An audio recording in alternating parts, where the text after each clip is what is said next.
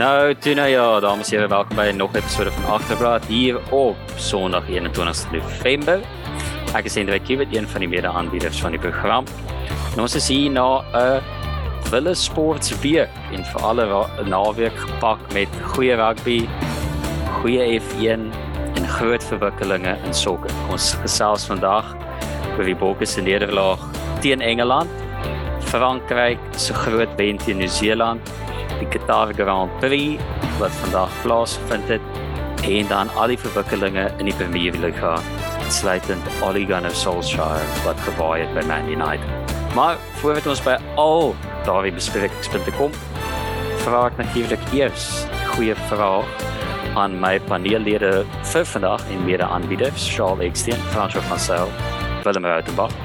Manne, hoe was julle week en naweek geweest? Ja wat, ek het 'n uh, baie lekker naweek gehad en sy ag ten spyte van uh, die Springbokke wat dis die enigste wedstryd wat ek kon kyk van die drie goeie rugby wedstryde wat daar was hierdie naweek. Ehm um, maar dit is ongelukkig wat dit is. En ek verjaar môre, so ek sien uit na 'n lekker verjaarsdag en ek ek het sien net heel rustig gevat hierdie naweek. Ek was heelwat agter die boeke. 'n Bietjie F1 gekyk wat altyd lekker is op 'n Sondag. So ja, ek moet sê dit is natuurlik lekker om hier te wees. Baie dankie. Ja, ek moet sê met ons nuwe ek amper sê commitment tot hierdie tot hierdie potgooi wat ons nou doen, kan ek dit amper regverdig om 'n hele Saterdag lank vir die TV te sit want ek kan ja, regverdig as ek doen navorsing. So ek weet nie hoe lank my vrou gaan byt in daai een nie. Maar vir nou ehm um, vir nou is dit nog oukei. Okay. So ek het uh letterlik 4 toetse in 'n ry gekyk Saterdag gister. Uh dit was vir my ongelooflik om al daai rugby te kyk. Ehm um, Springbok games ongelukkig die game wat ek die minste geniet het, maar jy weet ons sluit nog steeds die jare af as die nommer 1 span in die wêreld nadat die All Blacks verloor het teen die Franse. Seker ons sal 'n bietjie daar gesels net nou, maar wat 'n wedstryd, goeie genade. Ek het dit so baie geniet. Ja, ek het self ook 'n baie rustige naweek gehad, gelukkig. Ehm um, maar ja, dit was uh, definitief ek kan soms stem saam met Willem dat uh, dit 'n baie lekker posisie is om in te wees as jy kan uh, die lyn gooi van luister, ek het nodig om hierdie rugby game te kyk saam met almal van julle wat nie rugby kyk nie, want dit is vir my werk. So uh, ja, uh, ongelukkig um, net dit het begin my gesig teruggegooi geword na die resultaat van ons geliefde Springbokke, maar ehm um, buiten daai stukkie hartbreek was dit eintlik heel goed geweest. Ja, kyk, ehm um, goeie werk deur Shaul om homself vroeg in die mix te sit vir die week wat kom se uh, held van die week. Aangesien hy môre vir jaar. Maar um, ja, ja, ons voor ons by die besprekingspunte kom, begin ons met die nuus van die blad af, soos ons nou bespreek het. Fantastiese naweek van rugby gewees in die laaste Autumn Internationals met Skotland wat vir Japan geklop het op Murrayfield, Suid-Afrika soos ons nou nou gaan bespreek een punt verloor in Engeland op Twickenham. Wallace wat in die laaste minuut vir 'n 14 man Australië geklop het op Cardiff en dan die 2023 Wêreldbeker hosts Frankryk in 'n voorsmaakie van daardie toernooi se openingswedstryd vir Nieu-Seeland 40-25 geklop. Dan verder buite rugby nuus is dit ook dan nou soos ons genoem het uiteindelik daai tyd gewees in die Premier League waar Manchester United en hulle aanhangers vir Ole Gunnar Solskjaer gegroet het nou hy vandag uh, afgedank is uit sy pos as afrigter vir Manchester United. Ons sal nou nou daaroor verder uitbrei wie al die kandidaate is wat berig word om hom te vervang verder. F1 die naweek, dit was weer eens Lewis Hamilton wat koning gekraai het in die eerste Qatar Grand Prix in F1 geskiedenis met 'n gemaklike wen voor kampioenskap vyand Max Verstappen wat in tweede gekom het al die pad van sewende nadat hy 'n 5 plek penalty gekry het as gevolg van te vinnig ry verby twee geel vlae in Saterdag se kwalifikasieringsronde en dan Fernando Alonso wat op derde gekom het op die laaste podium plek die eerste keer vanaf 2014. Dan verder met die Ashes om die draai is daar groot verwikkelinge aan die gang vir die Australiese span met Tim Payne wat uitgetree het of homself ja, wel uitgegooi het uit die span uit na groot stories uitgekom het van sal ons sê onvanpaste boodskappe wat hy vir 'n mede ehm um, Australiese vrouens kollega gestuur het. So die Australiese kaptein val nou uit die span uit vir die Ashes toer wat oor 2 weke begin. Nou, dit is dan o oh, en dan natuurlik ook die week die groot nuus buite die veld in rugby is dat die ondersoek in 'n Suid-Afrikaanse direkteur van rugby was Erasmus se resultate gelewer deur wêreld rugby die week het groot ras met ras wat verbân is 2 maande van alle rugby aktiwiteite en van alle matchday activities tot September 2022. Nou hierdie teen die tyd wat ons hier opneem is die saak nog steeds onder appel, so ons sal kyk hoe dit verwikkel. Maar as mens vinnig na Rassie Erasmus se Twitter kyk, lyk dit nie asof hy te gestres is na die aankondiging nie. Nou, manne, af van daai gesels ons dan nou oor wat die Bokke verrig het op die veld. Soos genoem in die rematch van die 2029 Rugby Wêreldbeker finaal was dit Suid-Afrika wat die keer ehm um, die kort te kant van die uh, strooitjie getrek het en dis met 1 punt verloor na 'n laaste minuut strafskop van Marcus Smith wat vir Engeland dan 'n 27-26 wen oor die Bokke gegee het om hulle seisoen af te eindig. Ek sal dan by julle hoor wat het julle gemaak van die wedstryd? Waar dink julle dit verkeerd gegaan in Engeland? Dink julle dit het meer en meer gekom op Engeland wat ons geklop het of die Bokke wat eintlik maar net nie hulle kansse gebruik het nie? Ek uh, sal gewoonlik na 'n bok verloor een van twee goed doen. Uh of vir myself oortuig dat ek presies weet wat die bokke fout gedoen het of my hande in die lug gooi en geen idee wat verkeerd gedoen het nie. Vandag wil ek een van die twee doen nie, en ek wil net sê Engeland het ons uitoorlê. Ek voel hulle was takties beter as ons. Um ons het 'n paar klein fasette van die spel gedomeineer, maar op die einde was dit nie genoeg geweest om ons oor die lyn te kry nie. Um ek dink ons het ons wel 'n bietjie in die voet geskiet met um ons set piece werk lynstaande party van ons scrums het nie geloop soos wat ons verwag het dit gaan nie.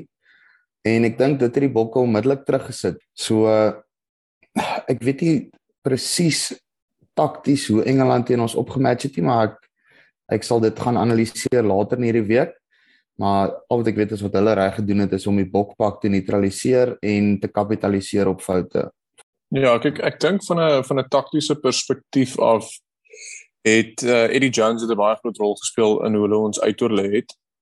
So die, die een ding wat dis nou nie eintlik iets takties wat hulle gedoen het nie, maar ons het die hele wedstryd net twee scrums gehad wat wat dit vir ons baie moeilik maak want dis so vir ons speel ons kry 'n set piece, kry 'n ehm um, jy weet 'n strafskop van 'n scrum af en en kry punte. Nou ons het 'n klomp strafskoppe gekry.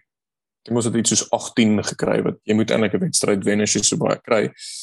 Wat Engeland baie baie goed gedoen het is met die manier hoe die Springbokke speel is hulle los vir jou spasie in die buitekant met die idee dat hulle dan die middeldeel van dit ongelooflik, ek amper sê, uh, narrow verdedig. So dit is baie moeilik om deur die middel van ons te gaan. So wat ons doen is kom baie vinnig op en forceer ons jou om een of ander vreemde manier die bal op die vleuel te probeer kry. Nou, Marcus Smith dink ek het 'n redelike vreeslose game gehad teen ons. Uh, ek dink hy het bietjie gesukkel in die begin, maar regtig in die game ingegroei en die bal baie vinnig versprei tot by die vleuel en dis hoe hulle hulle eerste drie al drie hulle drie wel twee uit die drie drie gedruk het is om net die bal vinnig te versprei tot by die kant. Wat ons sou doen in die tweede helfte is ons besluit dat ons moet 'n bietjie meer uitsprei om dit te probeer keer en dis toe waar hulle derde drie gedruk het hulle toe net soos wat ons uitgesprei het net reg deur die middel gegaan en in 300 die palle gaan druk. So ek dink hulle hulle takties het ons nommer gehad. Hulle het nie so goed gespeel nie. Ons het ons wa, ons het eintlik die oorhand gehad vir vir die grootste deel van die wedstryd. Ons kon dit net nie goed genoeg in punte omskakel nie. En ek dink die ou wat die grootste verskil op die veld gemaak het, was Freddie Stewart. Hulle heel agter. Hy's 20 jaar oud. Ongelooflike wedstryd gehad. En dit het ons onder baie druk gesit van waar ons gewoonlik sê maar 40 of 50% van ons box kicks terugkry het Freddie Stewart omtrent elke liewe ingevang en ons kon nie regtig ons game toe so op hulle afforceer nie en ja ons het die ons het die die lewe vir onsself moeilik gemaak. Ja kyk ek dink ehm um, om gebruik te maak van 'n sporting cliché dit was definitief 'n wedstryd van twee halftes gewees. Ek dink die Bokke kan hulle self gelukkig beskou dat hulle net 5 punte agter was halftyd. Want daai eerste 20 minute was ons beslis heeltyd op die agtervoet gewees. Ek dink Engeland sal eintlik hulle self geskop het halftyd vir die kansse wat hulle verbou het. Ek dink soos wat jy noem, ek dink is die tipe speler wat hy is. Ek weet ons het baie gefokus op Marcus Smith laasweek toe ons vinnig oor die oor die wedstryd gesels het. Ek dink hy was bietjie losandig, bietjie wild met sekere uitgee om die bal vinnig tot by die vleuel uit te kry wat natuurlik hulle mikpunt was om ons verdediging aan te val. En dit was my vreemd dat ons nie vroeër al verander het aan hoe ons shift na die vleuel nie. Want voor van die eerste 20 minute het hulle reg hier ons hardloop permanent. Dit was ook vir my vreemd dat ons in die eerste helfte het ons glad nie eintlik gebruik gemaak van die rolmal beweging. Dit was elke keer as ons lyn staan gekry het, het was dit elke keer omtrent ek dink Sia Kolisi wat vinnig met die bal uitgevat het en toe na die agterlyn versprei het wat vir my verbaas het. En ja, ek dink ook ons sal terugkyk na lynstaane in daai eerste helfte of eintlik die hele wedstryd wat gewoonlik ons sterkpunt is wat ons baie kansse verbruik het waar ons ons eie lynstaane verloor het. So ek eintlik by julle wil weet is as mense sê dat die eerste helfte so vrot was vir ons. Waar sê julle sê wat was die veranderinge wat gekom het tussen wat julle kon opmerk tussen die eerste helfte en die tweede helfte? Hoekom ons soveel beter gevaar het? My eerste reaksie is toe die tweede helfte begin is hoekom is uh hoekom het die die voorpak uh van Bongi Trevor en Ox hoekom het hulle nog nie hoekom is hulle nie halftyd geruil nie? Ek dink dit het 'n groot verskil gemaak toe ons vir Melke Marks op die veld kry. Um, hulle het net vir ons 'n bietjie stabiliteit in ons lynstaande gegee en ons skranwerk soos julle weet, het daai manne ook baie krag. So ongelukkig in die eerste helfte was ons 'n bietjie loskoppig geweest, maar ek dink net daai bietjie stabiliteit in die voorpak en ek dink daar het 'n paar ouens voorgevat en die span het naby getrek en vir die vir die groot manne gesê, "Cool. Kom ons vat hulle vas." Ek begin al hoe meer dink dat Bongi is hy skram baie goed op die oomblik, maar dit die een jy weet 'n haker moet eintlik maar twee dinge doen. Is hy moet goed skram en hy moet meer belangrik amper moet hy die bal net goed ingooi.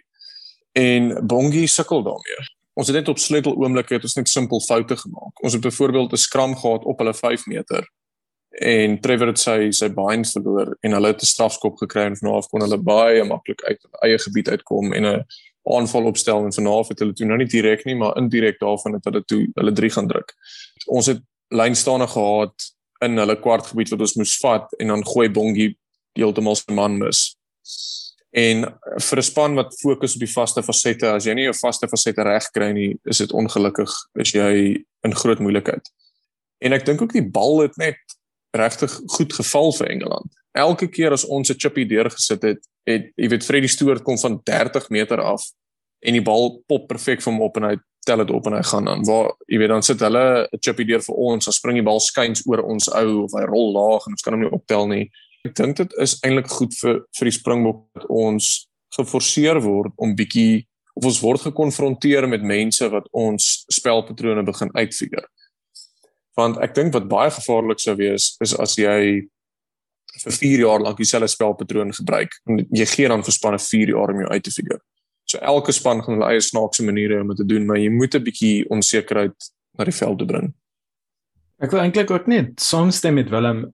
Ek is nog besig om weer my voete voete in rugby te vind en raak ben so aan nou 'n uh, bietjie van 'n hiatus omdat my uh, bloeddruk dit nie meer kon hanteer nie.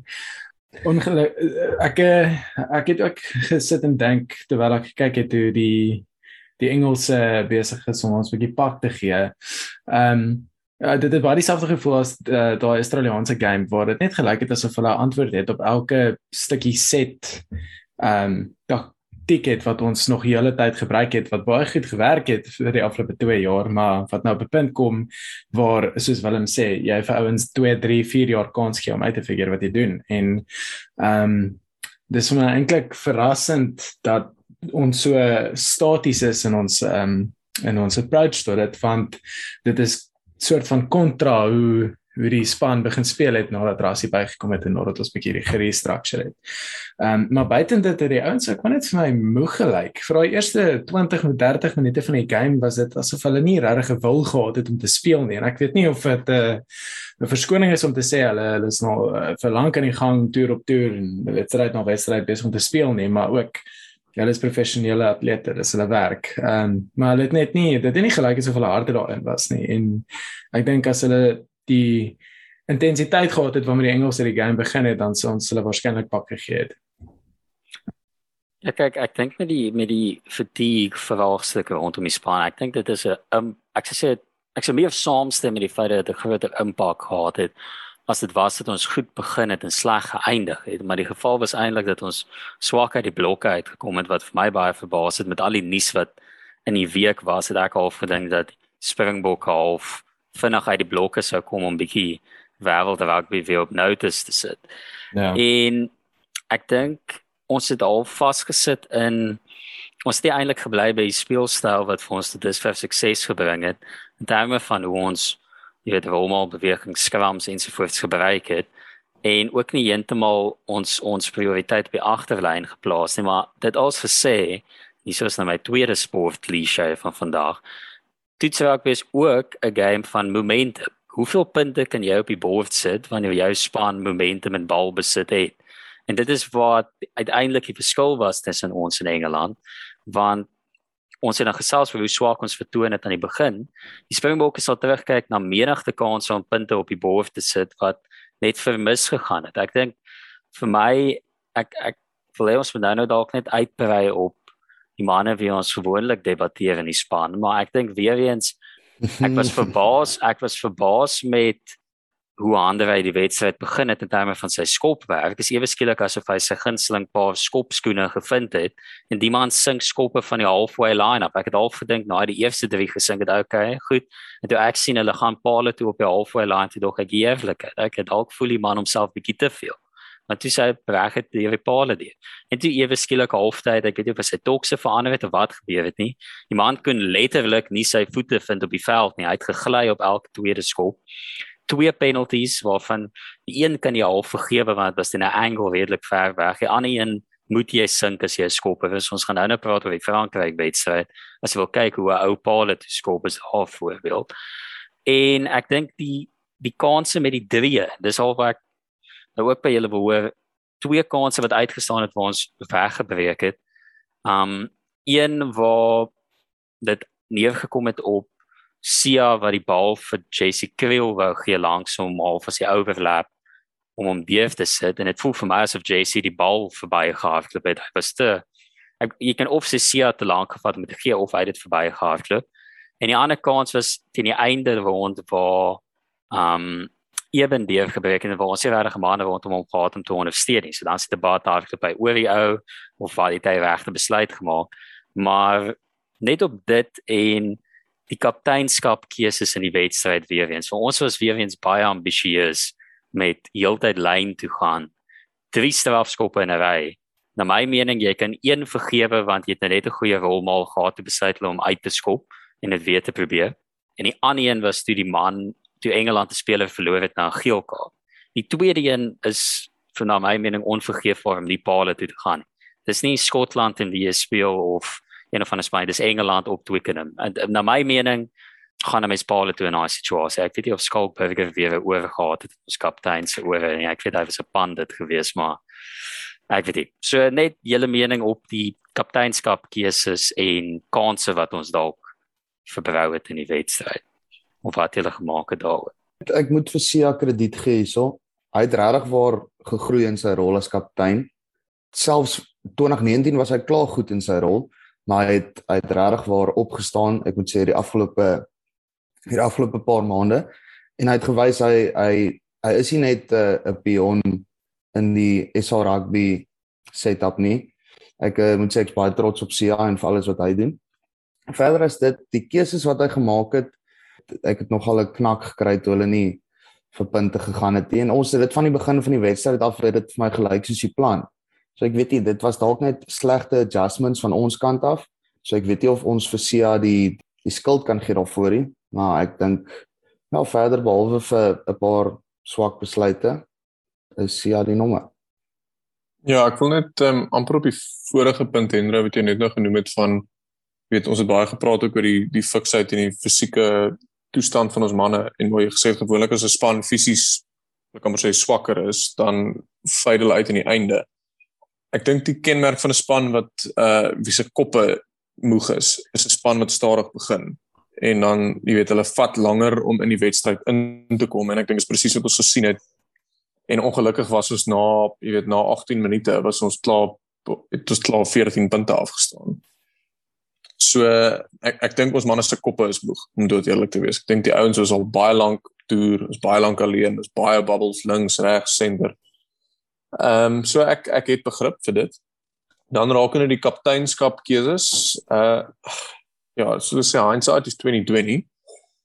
Het ons hmm. dalk 'n 3 gedruk daar sou ons gesê het, jy weet wat 'n ongelooflike besluit. Uh jy weet hy dis dis 'n riskante besluit. Met met enige besluit het jy altyd 'n risiko. Daar's 'n risiko, 'n risk reward ding wat jy altyd moet opweeg met enige besluit wat jy maak as kaptein. En ek dink baie keer as jy die ouens se nommers het, byvoorbeeld in 'n mall, as ons weet met 'n met 'n rolmal beweging het ons hulle nommer jy op 'n manier deur jou kapteinskol en aanlyn toe te gaan probeer jy die momentum hou in die span en jy vat 'n risiko want jy gee 3 punte op in die hoop dat wat jy nou net gedoen het dat jy dit weer gaan kan doen en 'n 3 druk en dan is momentum regtig in jou kant. So dit is dit is 'n risiko wat jy vat en ek verdedig nie sy besluit nie. Ek wil dit bietjie konteks gee en dan net amper saam met jou stem en sê ek dink nie noodwendig daai risk reward ding was goed genoeg oorweeg in die oomblik nie. Ek dink ons moes net gekyk het na waar ons is. Bietjie die situasie respekteer het. Die feit dat dit 'n toets is teen Engeland op Twickenham en wanneer jy punte kry, vat jy punte. Toe Charles op en Versia, moenie 'n fout maak. Ek dink Sia Kolisi is 'n uitstekende kaptein. Hy het homself bewys op die veld as 'n speler en na my mening moes hy 'n wêreldspeler van die jaar kandidaat gewees het. Ek dink sy kapteinskap keuse so dusver was baie goed en ek dink sy impak nie net op die veld maar af van die veld sit hom up there indien hy nie een van die beste kapteine is wat ons al gehad het. Ek dink net wel dis van dit is vir my vreemd dat ons se twee weke in 'n ry half teen die mold gegaan het van ek dink ons het baie kritiek gekry oor hoe konservatief ons speel. En dit was ewe skielik na die ander kant van die jy weet pole toe gegaan om net 'n risiko te vat met Paul te skop. En weer eens ek dink in Skotland alle respek hulle ek dink is maklik om dit daar uit te probeer maar nie in so groot wedstryd nie. En Willem, ek moet sê ek baie goeie punt wat jy ook maak rakend hoe hulle half mentally moeg is. Want dit maak vir my baie sin dat mense met al die goed wat nog af van die veld op plaasgevind het, die laaste week half 'n mental moegheid het. En ek dink dit het getoon in hulle derde 3 of hulle laaste 3 was ons het nou net die lead gekry. Ek dink dit was Frans Steyn se penalty as ek reg onthou. Um nou net die lead gekry Nou moet ons net verdedig in die bal hou. Boom Engeland eerste lyn staan reg deur die lyn. Dis net 'n konsentrasieprobleem wat ons sien ooit reg van die spelers sien. So ek ek is aan die konservatiewe kant van kapteinskap en toets rugby waar mens grootendeels altyd paal toe gaan om die punte op die bord te kry. So ek het al gedink in die oomblik ook so baie baie groot risiko wat hy neem. Dan laastens net is dit daai tyd van die agterblad episode waar ons op Willie Watch was uh waar ek dit vir Willem sal oorgee om oor uh die man te gesels hoe hy gemaak het hy gespeel het die week. En ja, net laaste gedagtes rondom die wedstryd en dan dalk net idees in na volgende jaar. Sjoe. My finale gedagtes oor die wedstryd is waarheen volgende vir die Bokke in terme van hulle speelstyl. Um gaan ons meer expansive probeer speel of gaan ons harder werk om ons huidige taktik af te druk op ander spanne? Uh, Daar's natuurlik twee kante aan aan 'n swaard. So ek uh, sien nogal uit om wat die manne gaan doen volgende jaar. Uh, net bietjie hulle hulle hulle spel fyn dop te hou. En ehm um, ek dink is tyd vir 'n bietjie vars bloed. Ek weet ek sê dit elke week, Jacques ons ons smeek vir rotasie. So ek dink hierdie verloor sit 'n paar dinge in perspektief vir die bokke en dit is eintlik nogal goed. Ek dink dis vir die springbokke kort wat soos wat hulle nou ingaan in 2022 in 1 jaar voor die wêreldbeker. So ja, op, uh, ek is eintlik heel positief, maar ek is ek gaan definitief moet fyn dophou. So ek het 'n baie interessante artikel gelees uh, vanoggend wat deur uh, die SA Rugby mag uh, gepubliseer was. Nou in die algemeen is ek nie hulle grootste aanhangers nie weens 'n spesifieke joernalis wat redelike kontroversiële uitlatings maak op 'n redelike gereelde basis. Ai, my beste um, chommy. Gaan ons sy naam noem? ja, ek is bang ons word gesensor, maar dit ry met Spark. Ehm um, so ek dink julle kan self uitfigure van wie ons praat. Met Kiani. Ehm wat ek werk. So anyways. Ja. In elk geval hy hy is nie die ou wat die artikel geskryf het nie, anders sou ek dit nie opbring nie. Die ou het 'n baie interessante observasie gemaak oor hoe ons speel in die sin van dat so eerstens Willie Leroux is eintlik 'n nommer 10. Ons weet hy speel nou al vir lank 15, maar deur sy skoolloopbaan deur toe hy vir die Boland gespeel het, hy was hy is 'n baie kreatiewe nommer 10 in die sin dat hy wil plays create. Hy wil nie, jy weet, Springbok skop en chase rugby regtig speel nie. En ons nommer 10 en Andre Pollard wat ek dink 'n fenominale 10 is, is nie 'n baie kreatiewe 10 nie. Ek dink hy hardloop baie mooi lyne en hy tackle baie goed en hy skop baie goed, maar hy is nie 'n ou, hy's nie 'n Quade Cooper of 'n Marcus Smith of of die klas van hom nie. So die ongeag of dit nou Willie is en of dit nou Damian Willems of dit nou Fassie is of geland die 15 speel, die nommer 15 rol in die Springbokke is die rol wat kreatiwiteit in die span moet inbring. Wat ongelukkig dit redelik limit tot die tipe ou wie ons kies op nommer 15. En dit is die die een probleem wat ek amper met die Springbok styl het, is die feit dat dit so spesifiek is dat elke rol, elke speler, elke posisie op die veld het so 'n spesifieke rol wat hy moet vervul in die stelsel. Wat beteken jy moet die hele stelsel verander om regtig te verander hoe die bokke speel. Want jy kan nie dis dis 'n domino effek. Dit help nie jy sit 'n konservatiewe 15 op die veld en dan het ons niemand wat plays create nie. Nou moet ons 'n nommer 10 insit wat 'n bietjie met meer flair speel. Sit hy altyd in die handjies in. Maar nou skop hy nie noodwendig takties so goed soos Pollard of hy verdedig nie noodwendig so goed. So ek weet eerlikwaar nie waartoe die bokke gaan gaan van hier af nie. Ek ek bedoel dis nie ons is nie in 'n in 'n slegte posisie dat ons moet 'n hele nuwe spelstyl moet implementeer nie. En ek dink dis maar wat ons gaan sien vir die volgende 2 jaar tot hierdie groep ouens uittreë. Ek wil net op 'n op 'n vinnige noot noem ehm um, oor jy jy het vertel van die ripple effek in die span.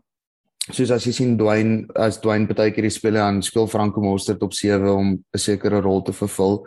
Maar ek sien dit strek ek na die res van die kleedkamer toe soos as jy sosiale media bestuurder dalk siek is die dag moet jy vir Jessie Kriel op 14 start. So nee, ek maak sommer 'n grap. Ehm um, maar ek ek stem heeltemal saam met wat Willem sê. Ehm um, ek voel veral dit is dit is veral die geval in die in die in die voor in in die pak ehm um, met ons los trio. So ek dink dit is dalk en ons sukkel met ons los trio op die oomblik. Ek kan sê wat jy wil, Pieter Steff het toe is hier daar nie, so hulle is hulle perform nie so goed so wat hulle moet doen nie. Um, so ek sien bietjie uit vir ouens wat nou deurkom. Evan Roos is 'n ou om daarin te kry miskien of so. Um, daar kan nog klomp name in die hoed gegooi word, maar ek sien baie uit na na wat kom. Ek dink dis maar op sommige wyse hoe om dit af te sluit vir die bokke die seisoen. Ons gaan 'n bietjie later gesels oor hoe ons dit beskou in terme van of dit 'n sukses was of nie, maar ek dink ons het baie antwoorde gekry of jy weet affirmations en hy goed wat ons weet ons in goed is, maar ons het steeds baie vrae om te vra oor die areas waar dit dalk kan sukkel. So dan 'n 'n span wat op die trend op is en dit voel vir my as ek na die wedstryde kyk, voel dit vir my soms asof hulle 'n hele ander sport speel. Frankryk teen Nieu-Seeland. Frankryk vir Nieu-Seeland geklop 40-25 soos ons genoem het. Ons het laasweek gesels oor hoe uitstekende wedstryd tussen die All Blacks en Ierland was. Ek sê ek seker ons almal sou saamstem dat hierdie een dalk nog 'n vlak bo dit was. Ehm um, ja, ek uitstekende wedstryd gewees. 'n uh, Goeie advertensie vir rugby en vir Frankryk in na 2023 waar hulle toernooi in hulle eie agterplaas hou. So ek wil net by julle manne hoor wat julle gemaak het van die wedstryd en dan nou van rugby se nuwe haatpraat vir die Frankryk. Dit was 'n ongelooflike wedstryd. Ek het elke sekonde daarvan geniet. Ek het alle alle alle geskree heel aand. My ouers het al gaan lê en toe skree ek net alle heeltyd en ek kon lekker verstaan wat gaan aan hier in ons huis nou nie. En ehm um, ek het toe Tamak daai daai breek gemaak het uit sy eie lyn. Ek het klanke gemaak wat ek nie geweet het ek toe in staat is die raai man na afbreek en en kan ons net ook vir 'n sekonde net waardeer hoe smooth al daai Franse se name en hoe vanne is. Jaminet, ja. Dupont, Picou, dit is ongelooflik. Maar dit is maar, die dit is die mees Frans name moontlik wat ek ooit in my lewe gehoor het.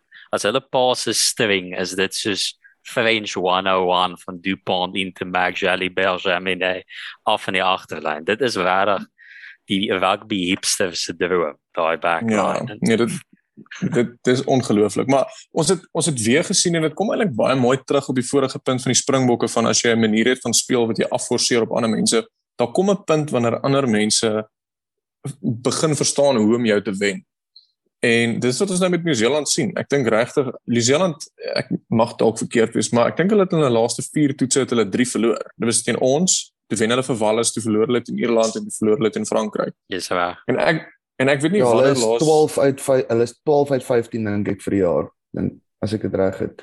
Maar ek dink dis omdat die spanne hulle begin uitpleis. Hulle mense begin verstaan hoe om teen hulle te speel. En hoe jy teen Nieu-Seeland speel is baie direk, baie vinnig. Jou jou ruck speed moet onder 2 sekondes wees want jy laat hulle nie toe om te set nie. En ons het laasweek ook daar gepraat hoe hulle hoe hulle verdedig is Hulle wil elke stukkie gras cover op die veld. Hulle is nie soos ons wat baie narrow defend dan jou forceer nie. Hulle wil mense oral op die veld hê om ondersteuning te hê oral op die veld sodat wanneer hulle die bal kry kan hulle baie maklik met 'n teenaanval 'n drie gaan druk wat hulle baie goed is in. Maar jy kan dit uitbuit deur regtig vinnig te speel en harde lyne te hardloop en naby die rak te gaan en dis wat Ierland baie baie goed gedoen het en ek En ek dink, ek dink Frankryk het baie goed gespeel, maar ek dink Nieu-Seeland het swakker gespeel teen Frankryk as wat hulle teen Ierland gespeel het. By die Franse spanne Henry en ek dink dis iets wat jy ook al genoem het, hierdie Franse span is nogal se dalk ons vir die wêreldbeker. Dis in Frankryk. Hierdie manne begin regtig lekker rugby speel. Sterk pak voor hy, ongelooflike smooth agterlyn en 'n man wat kan paal toe skop van lyk like my enige plek af. So hulle hulle hulle het die resep vir 'n baie goeie span. Dit gaan nou maar net wees of hulle dit gereeld genoeg gaan kan doen oor sê maar 8 of 9 wedstryde. So ek sien baie uit na die Six Nations volgende jaar wat in Februarie begin en ek seker ons sal baie daar gesels wanneer ons daar aankom ook. Ja, kyk, ehm um, ek ek kom teen alles wat jy genoem het. Ek moet sê ek dink laasweek se wedstryd in Ierland was my gunsteling wedstryd wat ek die jaar gekyk en ek dink die het dit by verre geklop ek dink toe mes EFC Volkslied van Frankryk voor die tyd hoor in die vibe in die stadion, dan dink jy okay, hier gaan iets interessant kom. Ek het laasweek genoem dis die wedstryd om na uit te kyk. Heel week eintlik uitgesien na hom en ja, die deliver. Ek dink soos ek sê, ek ek probeer altyd versigtig wees as ons na ander lande kyk waar hy Springbokke nie betrokke is nie, waar mens baie keer al die glans het as 'n mens na spanne kyk wat nie ons is nie, wat jy dink, "Jesus, hoe kan ons dit doen? Hoe kan ons dit doen nie? Hulle doen dit, hulle doen dit." dan vergeet mense baie keer aan wat ons goed doen. Dan half sit mense hulle so ver bo die bokke. Maar ek dink nie enigiemand wat die wedstryd gekyk het kan stry dat ek weet kyk ek geniet om te wen, ek geniet hoe hy bokke doen, maar dit was dit is 'n regtig champagne rugby in daai wedstryd gewees en daarmee van hmm. net die lyne wat Frankryk het. Nou hulle is net voel dit vir my as halfe novice wat nog nie baie van hulle gekyk het wat nou maar half in die einde van die jaar toe na hulle kyk. Hulle fokus is gesentreer rondom hulle agterlyn. Al die playmakers, hulle het eintlik te veel playmakers. Hulle sukkel om almal in te pas in die spanne. En hulle maak staat op hulle en die lyne wat daai manne hardloop is crazy. Daai run van Intermark uit sy eie doellyn uit. Net die die soos scissor run wat Jamie nou maak, hy was eers regs toe skiet na links om by die kantlyn toe af te gaan toe DuPont. Hulle het altyd 'n ou daar om hulle te ondersteun. Ek dink as dit vir Savia se uh, penalty was vir Nieu-Seeland hier, was dit die 3 van die jaar gewees. En ek ek dink net soos Alton het ook nou genoem dat hy vandag is hy so dis hoekom al baie minder gestry was oor Willie Leroux by die kwit dit is vir um ook genoem dis sy dark horse kandidaat en en hy het iets genoem ook wat mense nogal wat ek nogal opgelet het ook is die klank wat dit maak wanneer Jamine 'n bal paal toe skop is sekerlik die cleanste wat ek al in 'n ruk gehoor. Daai ding is outomaties deur die paale. En ek wil net nou aankondig dit is nou my nuwe na een wedstryd is ek fraudulent genoeg om die hype terrein fully te stook vir Jamine van Frankryk as my nuwe gunsteling foreign speler van al daai een wedstryd want hy het my hy was na my mening die man of the match hy het in te maak. En ek was baie verbaas om te sien wat spaar Villa hy eintlik op hom het hy is regtig vinnig. Dis hulle het af van die een ja. ek dink was die een grabbe van die eerste halfte wat hy afgejaag het en dan die net die die play wat hulle geran het af van die skram ek dink in die 72ste minuut. Net die die lynbreuke wat hulle het. Ek dink die All Blacks het in dieselfde probleem geval as ons in terme van bietjie was op die agtervoet en stadigheid die blokke uit om die wedstryd te begin. Maar ek dink aan die einde van die dag was hierdie baie meer belangrik vir Frankryk as wat vir Nieu-Seeland was hierdie wedstryd. Maar ek dink hulle is die span om dop te hou. Ek soos ek sê hulle is half nou die rugby hipsters se keuse nou half. Ek dink hulle het nou almal se oë omtrent gevang. En hulle het uitstekende talentvolle agterlyn en span. En die ding wat ek graag sou wil sien binne die Six Nations is noem hulle men vir al die einde van die jaar toets gaan bok uh, einde van die jaar toets gaan bok ook dan hulle te staan kom. Ek sal dit huiwerig met die noordelike hemisfeer spanne wat half hierdie flamboyante rugby speel. Is hulle fisies sterk genoeg om teen die suidelike hemisfeer spanne te speel? En ek dink Frankryk het iets bewys teen hierdie All Blacks span wat soos jy sê nee so fisies en sterk was soos in Ierland nie. Maar ja, dit is interessant om te sien of hulle dit kan hou, al die momentum kan hou na die Wêreldbeker 2022. Ek dink ons gaan 'n agterblad hype train 15 kan begin aankondig elke week. Ek dink aan manne soos Tyre en Green, Andre Esterhuizen, Marcus Smith, Jali Bear, Jamine is nou al daar op. Ehm um, Ewart, Ewart is natuurlik op op heel agter. Damien. Ja, Evan Roos, Elrich Lou op flank. Ons ehm um, ja, ons gaan moet begin werk aan daai span. Dink dit sal 'n fenominale span wees. Ons het ja, net 'n probleem. Ons gaan soos vyf fullbacks speel. Dis Damien, Jamine, Willie Leroux. Uh, you had one of those things is not like the other. Uh, Tyver and Green. uh, I'm on it. So ons uh, nie. ja, so ons ons ons fullbacks is uitstekend. So ja, uitstekende wedstryd van rugby. Great naweek gewees. Hartseer wat ons nou eintlik internasionale rugby vir week gaan sien, maar dit is interessant is wat die clubs kan vermag. En na UFC wat ook volgende naweek afskop. Nou ja, dit bring ons dan nou na ek sê sy beste wesies van die kalender, maar weer eens nog 'n belangrike een in die wesiese wat ook nou aftik tot die einde. Die Qatar Grand Prix, Lewis Hamilton tweede wen in 'n ry. Nou net 'n 8 punt gap na eerste plek Max Verstappen. 'n Wet eh uh, wedren gebaseer op baie wat af van die baan gebeur het vir François met penalties wat uitgedeel is, stryery oor politiek en of karre wettig is of nie. En wat toe vir ons 'n interessante verwante wou en second wou gegee het met die weg te werk. En 'n wesies wat baie neergekom het op of tyres gaan hou tot die einde of nie. So jou algehele gedagtes rondom die Grand Prix en wat jy gemaak het daarvan. Ja, ehm um, Ek uh, voordat hierdie hierdie uh, potgooi begin het, het Willem genoem dat hy dink dit was maar relatiewe vervelige reisies geweest. Maar in terme van die van die kampioenskap battle tussen die twee voor was dit wel 'n uh, moontlik die geval, maar ek dink ons is ook bederf hierdie seisoen met ongelooflike goeie kompetisie uh, reg deur die veld. So ehm um, as ons bietjie bietjie dieper kyk, dink ek dit was eintlik nogal heel opwindend. Ehm um, eerste van alles 'n splinter nuwe baan, F1 nog nooit gery nie. Uh, geen van die spanne het enige nuttige data gehad oor hoe bande gaan werk nie, hoe die karre gaan reageer nie, hoe die wind gaan werk nie, hoe die temperature van die baan die karre gaan affekteer nie. So dit was regtig 'n uh, geval van 'n blank slate en wie kan die vinnigste aanpas daarbey? En ehm um, ja, uh, daar was 'n groot verwagting dat daar nie baie aksie op die baan gaan wees na qualifying nie, omdat dit uh, eintlik 'n MotoGP baan is en nie baie verbyvatplek is nie, maar ehm um, dit het baie vinnig uitgekom dat dit wel nie die geval is nie. In terme van drama vir die naweek is die grootste drama seker maar geweest dat Verstappen en Verstappen en Bottas penalties gekry het, groot penalties uh, na qualifying. Pierre Gasly het uh, sy voorste vlekkie verloor op 'n uh, op 'n curb gister um, in qualifying en gestop op die uh, op die pitstryd en ehm um, daar was vlae gewaai maar dit was nog op die drywer se dash geweest nie so 'n bietjie van 'n demekaar situasie maar 'n uh, onveilige situasie net sowel en ehm um, Verstappen het deur dubbel yellow gegaan en uh, Bottas deur enkel geel en so was daar 3 en 'n 5 plek penalty geweest vir die twee en hulle het 7 uh, 6ste en 7de begin. Ehm um, nou Bottas het soos wat ons al 'n paar keer hierdie seisoen gesien het, 'n baie slegte wegtrek gehad.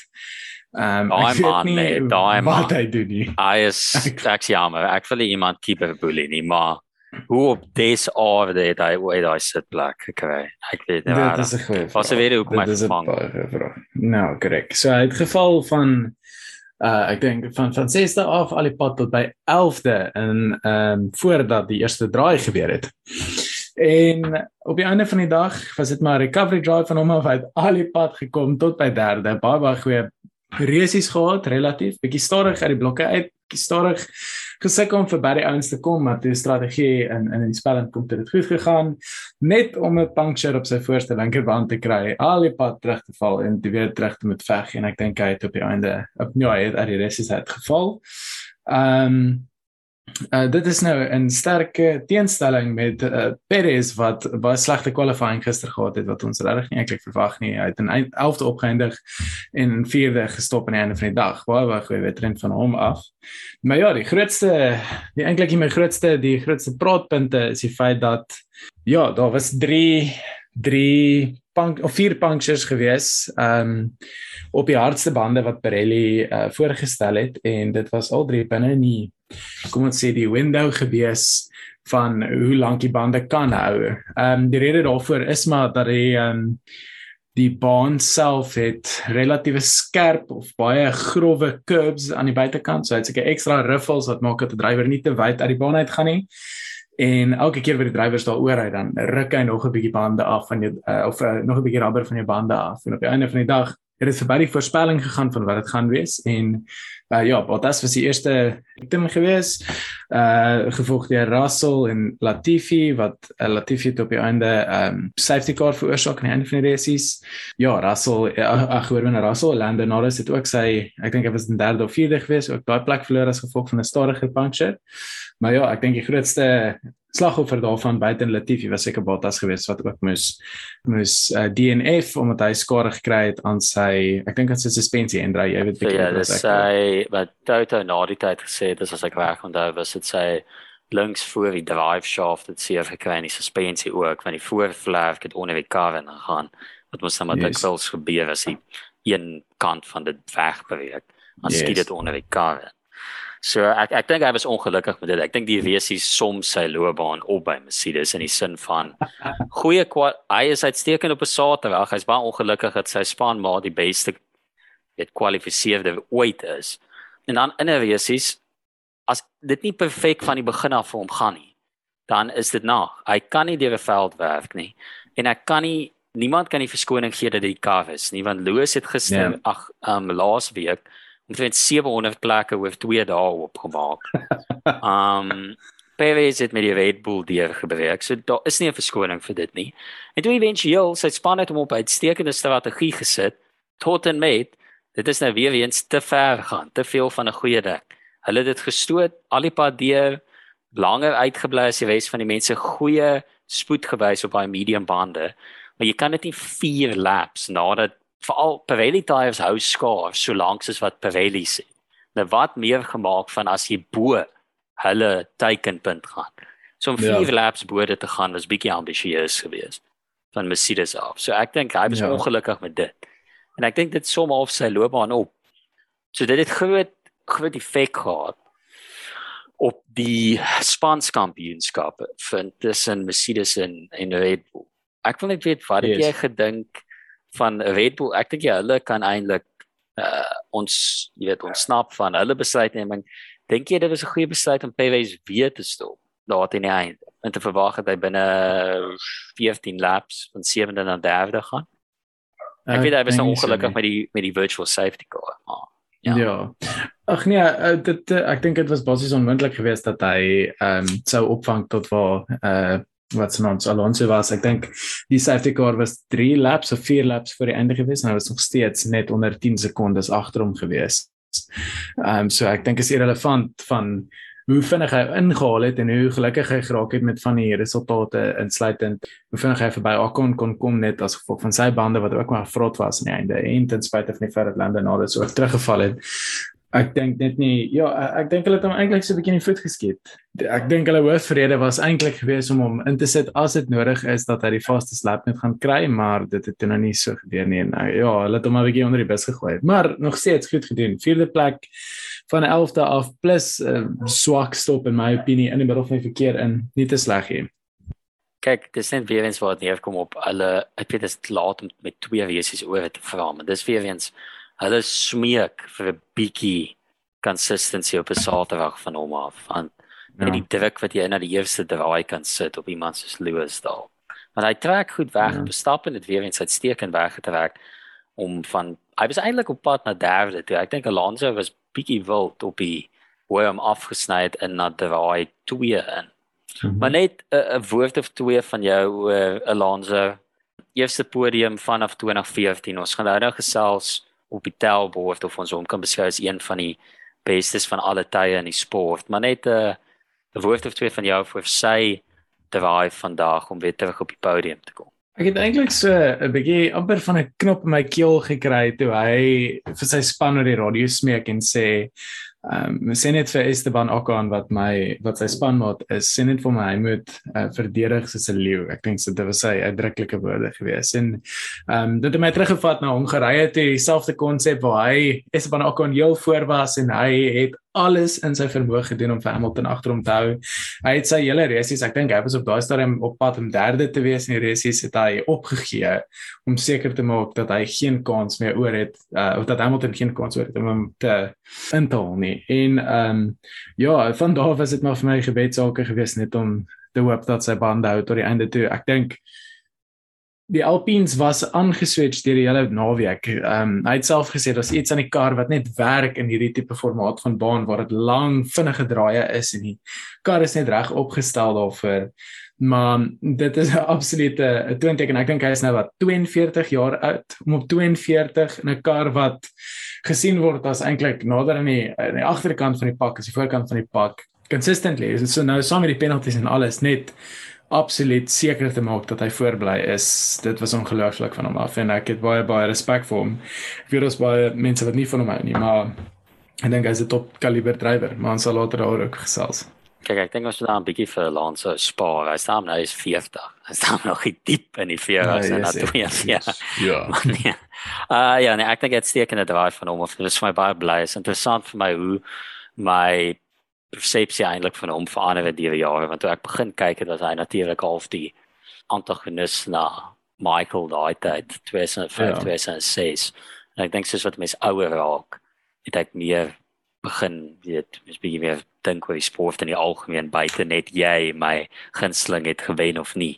Net uitstekend van hom af hoe daai prestasies daai tyd en hoe hy tot nou toe so konstant kan perform op die ouderdom van 40. Ek weet sy droom is ek dink hy sien naaste wat ons gaan kry en ook weet hy maak nog altyd om die triple crown en bote versies te wen waar mens moet na kyk op die F1 Indy 500 en Indy car en dan nou die uh, Le Mans 24 ure wen. En wys net dat mens in al die daai formate kan perform soos wat hy doen. Wys net hoe uitstekend is.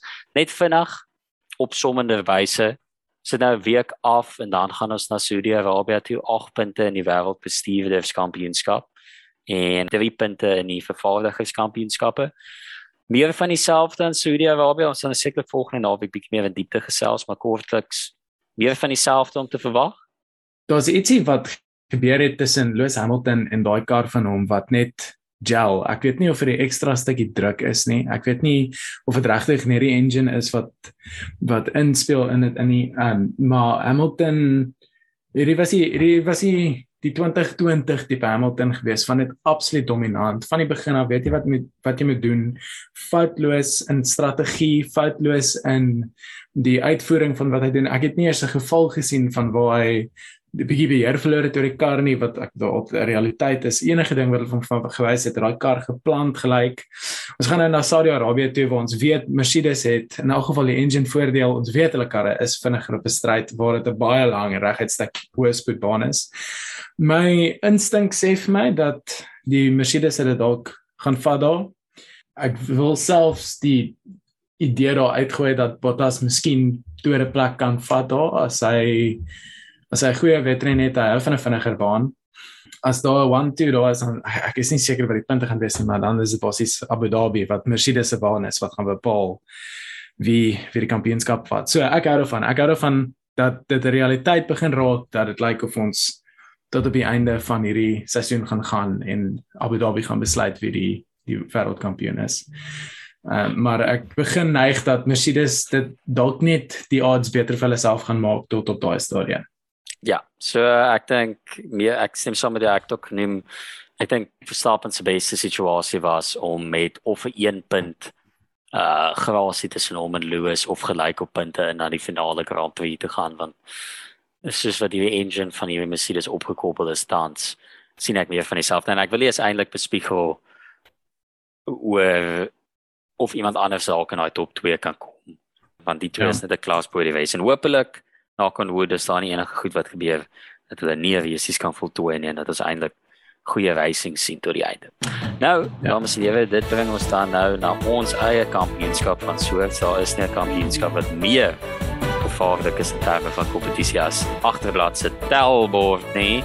Dit is waar die manne 30 sekondes kry om die vrae te antwoord wat ek hulle bied om dan nou punte te kry wat ek nou as die aanbieder van hierdie afdeling gee aan die manne.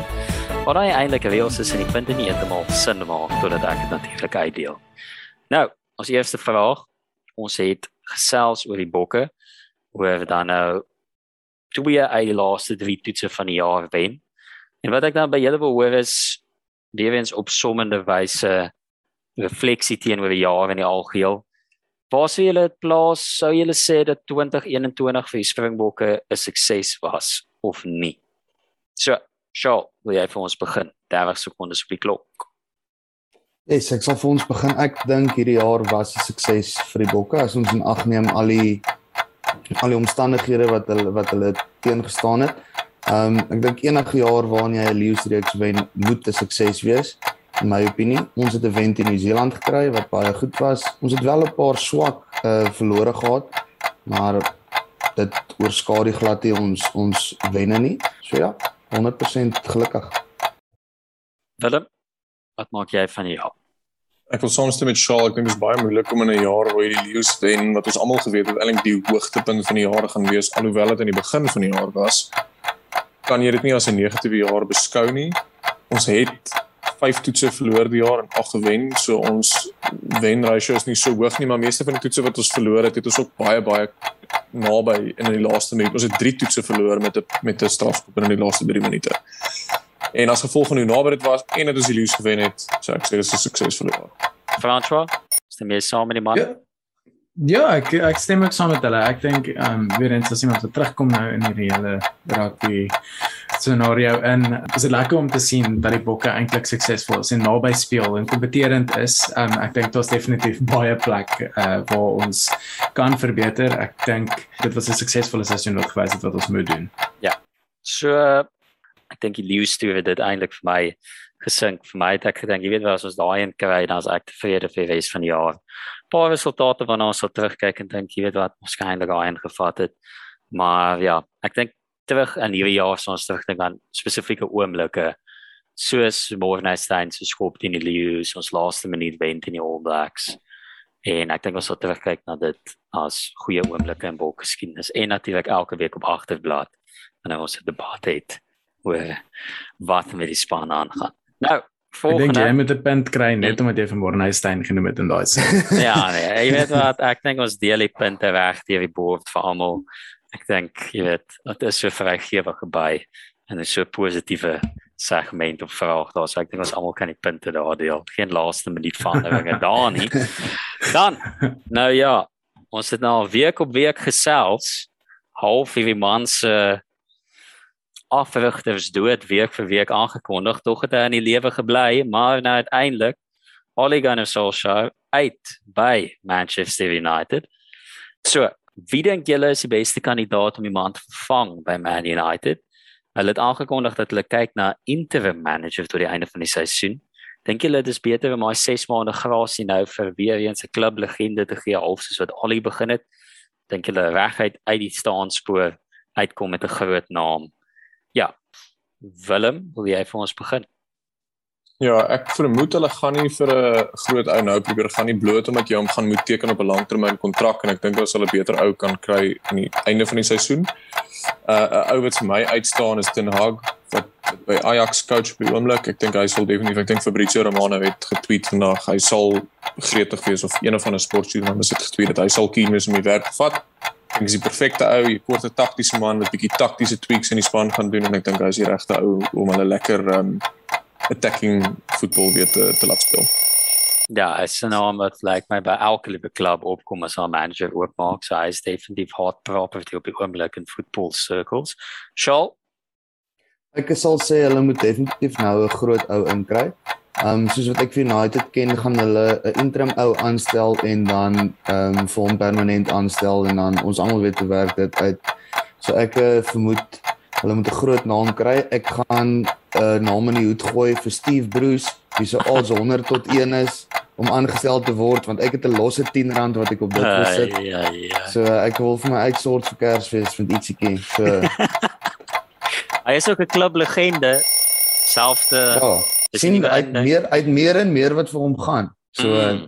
en hy is 'n groot manager. Praat, ja. Net te veel sy sy lof sing en net om gaan die odds laer dan kan ek so baie geld maak. ja, nee, kyk, as 'n Arsenal aanhanger het die al die nuus my nogal op 'n verkeerde noot getref. So ek dink vir my eie base wil sal ek die punte aan Shaw beat want kyk as Ollie at the wheel ja, sy so ek nogal Steve jy weet op die voorkant van daai bus wil sien al die pad by die afgerond af so kry hom in um ek dink logies jy weet gooi die hele Zidane ding uit los dit. Ek dink Stevie Bruce ons kort iemand met meer ervaring. Ja, Ollie Ollie at the Ollie at the wheel and Steve behind the sticks, so. Dink daai is hy is die nuwe een. Ja, so uh, ons sal sien wat die verwikkelinge is in daai week. Ek dink dit gaan maar nog 'n lang proses wees. Dan laastens ons het gesels oor Fernando Alonso se prestasie en weer terug op die podium te kom vir eers keer vanaf 2014. So wat ek by julle manne wil hoor is kan ons Fernando beskou as een van die bestes van alle tye. So, François, wil jy vir ons afskop? Ja, okay. Uh eerstens, ek dink dit is 'n groot jammerte dat hy net twee drywe of wêreldkampioenskappe gewen het. Ek dink hy het potensiaal gehad om baie meer as dit te wen as hy die regte tools gehad het daarvoor. Eerste ding wat ek kan sê is hy was die hoofkompetisie vir Michael Schumacher en die laaste een van die regte kompeteerders vir hom gewees in sy prime en hy het hom twee keer in 'n ry gewen. Wat ek dink regtig dit wys net die kaliber van drywer wat hy is. Nommer 2 is in 2012 het hy 'n uh, Ferrari, dit was nie eers 'n wasmasjien nie, want 'n wasmasjien het nog goed wat beweeg. Ek dink dit was net 'n baksteen gewees. Ehm um, so vinnig om 'n bloody baan gery dat hy tot aan die einde van die jaar nog kans gehad om die drywerskampioenskap te wen. Maar hy het daai kar al omgegooi soos wat mense nie kan glo nie. En hierdie jaar, hierdie jaar het hy al 116 mense verbygesteek in hierdie seisoen, die meeste van enigiemand hierdie seisoen en hy het vandag 'n podium gekry in 'n Alpine wat ons glad nie gedink het enigstens kompeterend gaan wees nie. Ek dink hy is daarbo met die greats. Ehm um, Vettel, Alonso, Schumacher, Hamilton, die top 4 drywers van miskien alle tye. Alright. Dit gaan moeilik om dit te volg.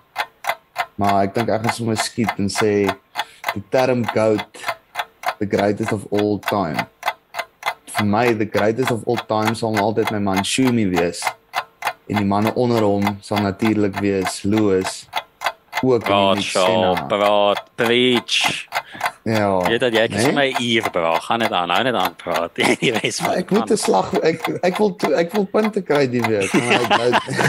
ja, Charlotte voel vir my jy jy speel nie die game nie, jy speel die man op die oomblik. Jy weet jy kry die punte. Moenie nou om luister, ja. laat Frans so 'n bietjie hoor. Willem, jy weet kan nie. Maak net asseblief, maak net asseblief hierdie aanhouing stil, ja. ek vir my toespraak mm. lewer. Charlotte praat en ek dink alweer onder uh, Schumacher val op hierdie stadium is is Lewis en Senna.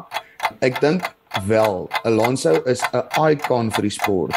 Hy is um, definitief een van die ouens wat wat nog vir jare na terugkyk gaan word. Is hy die beste, een van die bestes van alle tye? Ja, miskien 5de, maar nie een van die bestes van alle tye nie. Nee. Yes. Ek noem graag ek het liggies vergeet van Ayrton Senna so in die haas van 30 Hoe sekondes. vergeet mens liggies van aard en Senna? Dit was net 30 sekondes. hè. Dit het uitgehardloop. Ja, kyk, jy weet, ek ek is iemand wat altyd die reëls baie streng toepas. So Charles se blits vinnige 30 sekondes sopas. Ja, kyk, ek ek wil net 'n bietjie nog konteks op balans sou gee. Ek sê grootendeels saam met wat baie van julle gesê het. So hy is 6ste op aantal wenne in die sport. Hy het vandag sy 98ste podium gekry. 32 race-wins. Hy was op die tyd toe hy kampioenskap gewen het in 2005 jongste om dit nog ooit te doen op 24 jaar oud. Soos wat Frans ook genoem het, hy het vir Michael Schumacher geklop toe hy nog in sy prime Ferrari was. Of dis kom ek dink die Verstappen en Hamilton ding baie soort geduik is. En dan net om met 'n konteks te sit uit in 2010 en 2012. Ek dink mense onthou daai 2010 tot 2013 gap waar Red Bull 4 in 'n ry gewen het as half ouer dit Ja. gedomineer. 2010 het hy 4 punte agter Vettel geëindig. Kan half vir 'n Ferrari skuld gee. Hy het voorgeloop in na die laaste Grand Prix en toe steed te dink dat hy nie vir Vitaly Petrov kon verbysteek nie. Maar die 2012 een soos wat Frans wou gesê het.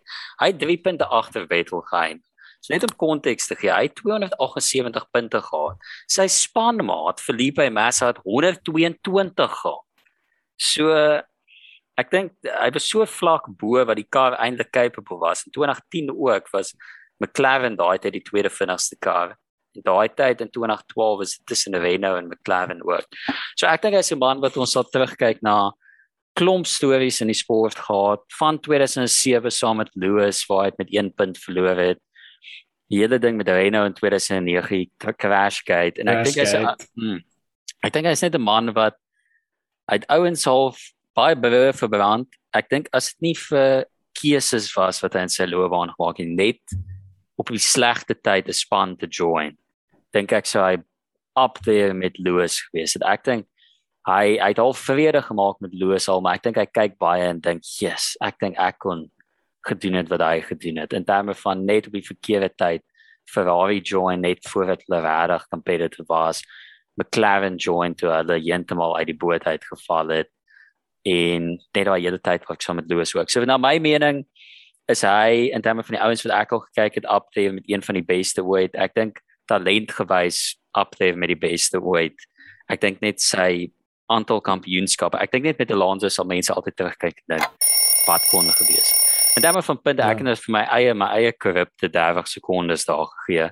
Ek sou die punte vir myself toeken want dis jy weet korrupsie en leierskap, maar Shaw het net poetically gewax toe hy gepraat het.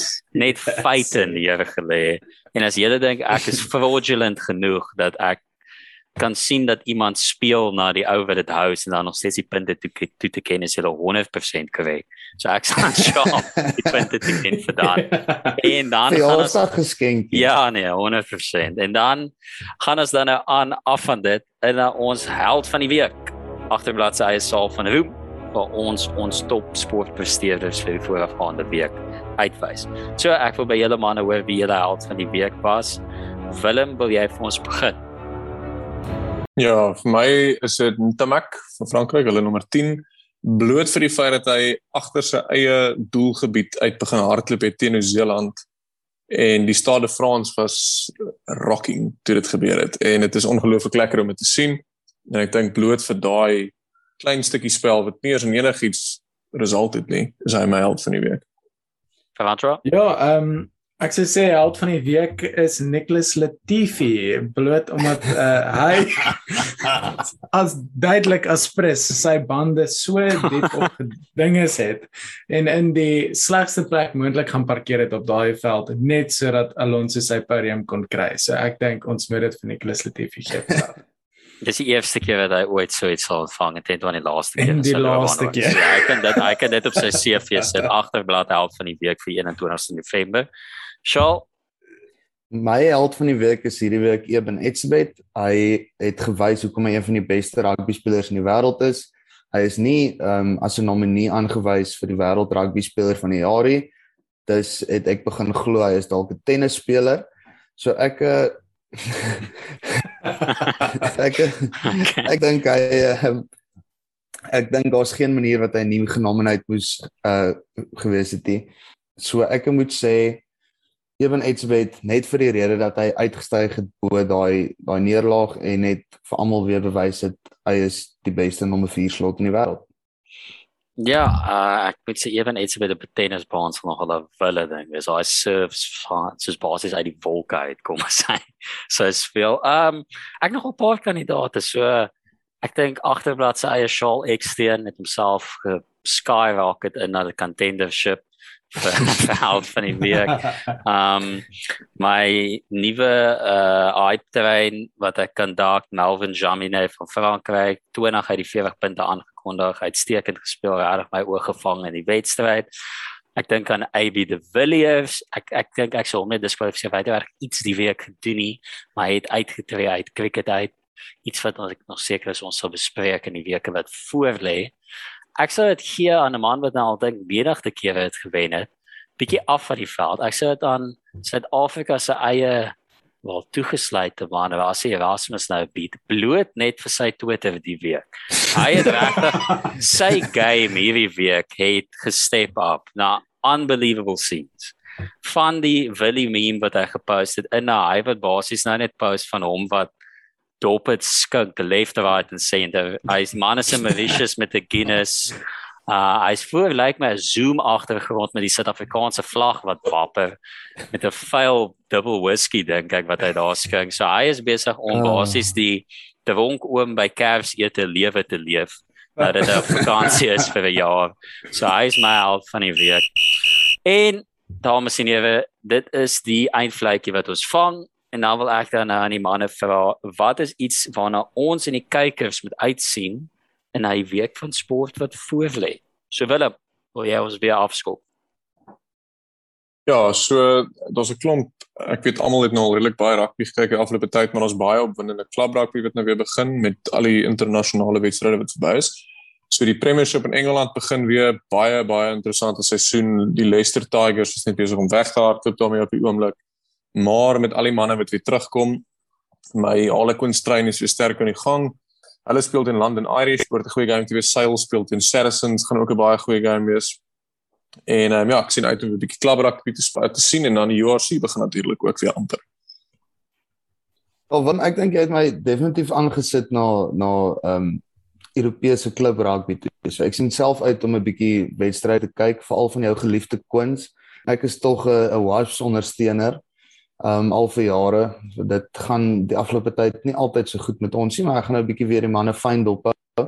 Um die hoofding wat ek uitsien is ek en my pa gaan van die 800 toeskouers wees op Nieuweland vir die Zebra teen die Stormers wedstryd. So ons gaan deel van my verjaarsdag net dit gaan kyk bietjie en ek is seker ag ons gaan op Groenpunt wees net op Nieuweland. Um so ons gaan 'n lekker gamepie rugby gaan kyk en ek sien baie uit. Ek het nie nie veel opgewondenheid eh, of uh, goed wat voorlê wat ek kan kan dink nou nie. Ek dink die die beste ding is die kort breekie wat ek nou het tussen my eksamens wat klaar is en uh, die Saudi ehm um, Grand Prix wat op pad is om bietjie hier weer op my rekenaar F1 game Assetto Corsa wat ek al te spring en daai sou die um, baan se lank regstreeks ordentlik draai vir draai deur te leer sodat ek die beste en mees akkurate kritiek aan hierdie drywers kan lewer volgende week. Ek kyk, ek dink in die wêreld van sport is dit die ding wat uitstaan in die fees. ja, luister, um, julle ek dink is iets vir al die luisteraars om uit te sien. uh ja, nee, ek dink paar goeie kandidaate wat julle genoem het daar. Uh ek sien self uit na UFC wat weer afskop.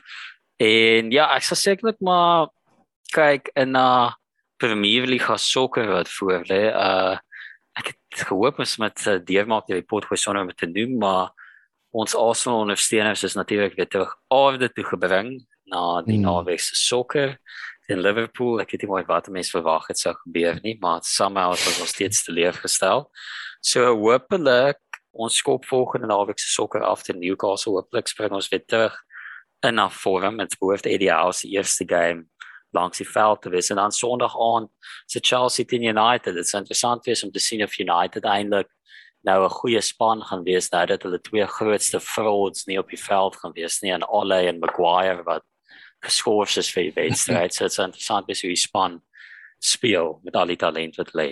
Maar nou ja manne, dit bring ons dan net tot die einde van die episode en die einde van hierdie sportweek. Ek wil dankie sê aan ons analiste wat vandag bietjie kom saamgesels het. En vir julle wat geluister het, julle kan ons natuurlik vind op al ons sosiale media blaaie, wees dit Instagram @agterblad.gooi, Twitter self the handle en dan natuurlik net agterblad op Facebook en dan natuurlik ook op Magula Media. Dit is dan nou al van ons kant af. Tot volgende week. Totsiens.